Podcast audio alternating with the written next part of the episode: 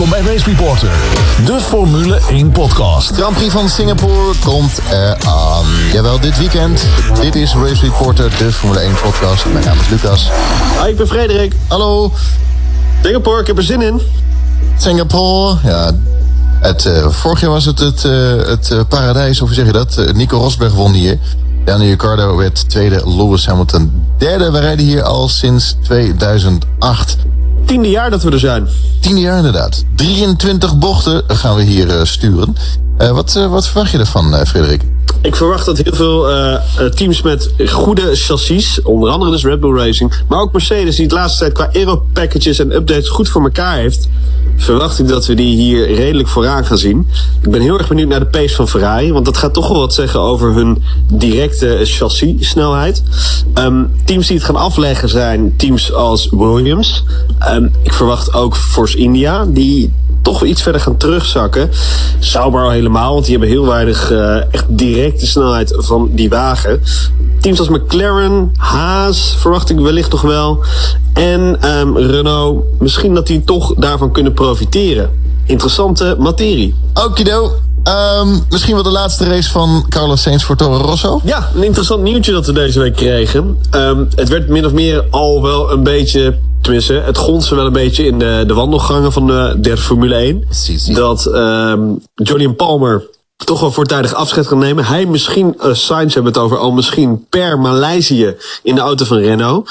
In ruil daarvoor zou Renault een overstap gaan maken naar McLaren. En Toro Rosso de motoren van Honda overnemen. Ja. Dus iedereen heeft eh, dan uiteindelijk nog een plekje. Honda kan zonder gezichtsverlies naar een ander team. Ik denk dat er alleen maar winnaars zijn. Overigens vind ik, de, als dit doorgaat, vind ik de strategie die eh, Honda en uh, Toro Rosso bewandelen een interessante. Maar ik denk, het zou best wel eens goed uit kunnen pakken. Want wie weet gaat de samenwerking tussen Honda en Toro Rosso best wel goed volgend jaar. Ja. Zou het jaar daarop, misschien is dat een beetje vroeg, maar misschien het jaar daarop, ehm, dan spreken we al bijna 2020, 2021, dat er nieuwe motorreglementen ingaan. Maar goed, dan zou eventueel Honda nog zijn intrede kunnen doen bij het moederteam Red Bull Racing. Ja. Exclusieve motorendeal, een fabriekspartner. Ik zie het wel zitten. Het enige wat eh Toro Rosso volgend jaar zou kunnen gebeuren... is dat ze met Matsushita, momenteel rijdend... in het middenveld van de Formule 2 zouden moeten gaan rijden. Ehm, hij had nog een grote crash op Spa van Corso. Is niet een heel boeiende coureur... maar waarschijnlijk zal Honda hen ehm, in de maag splitsen daarmee.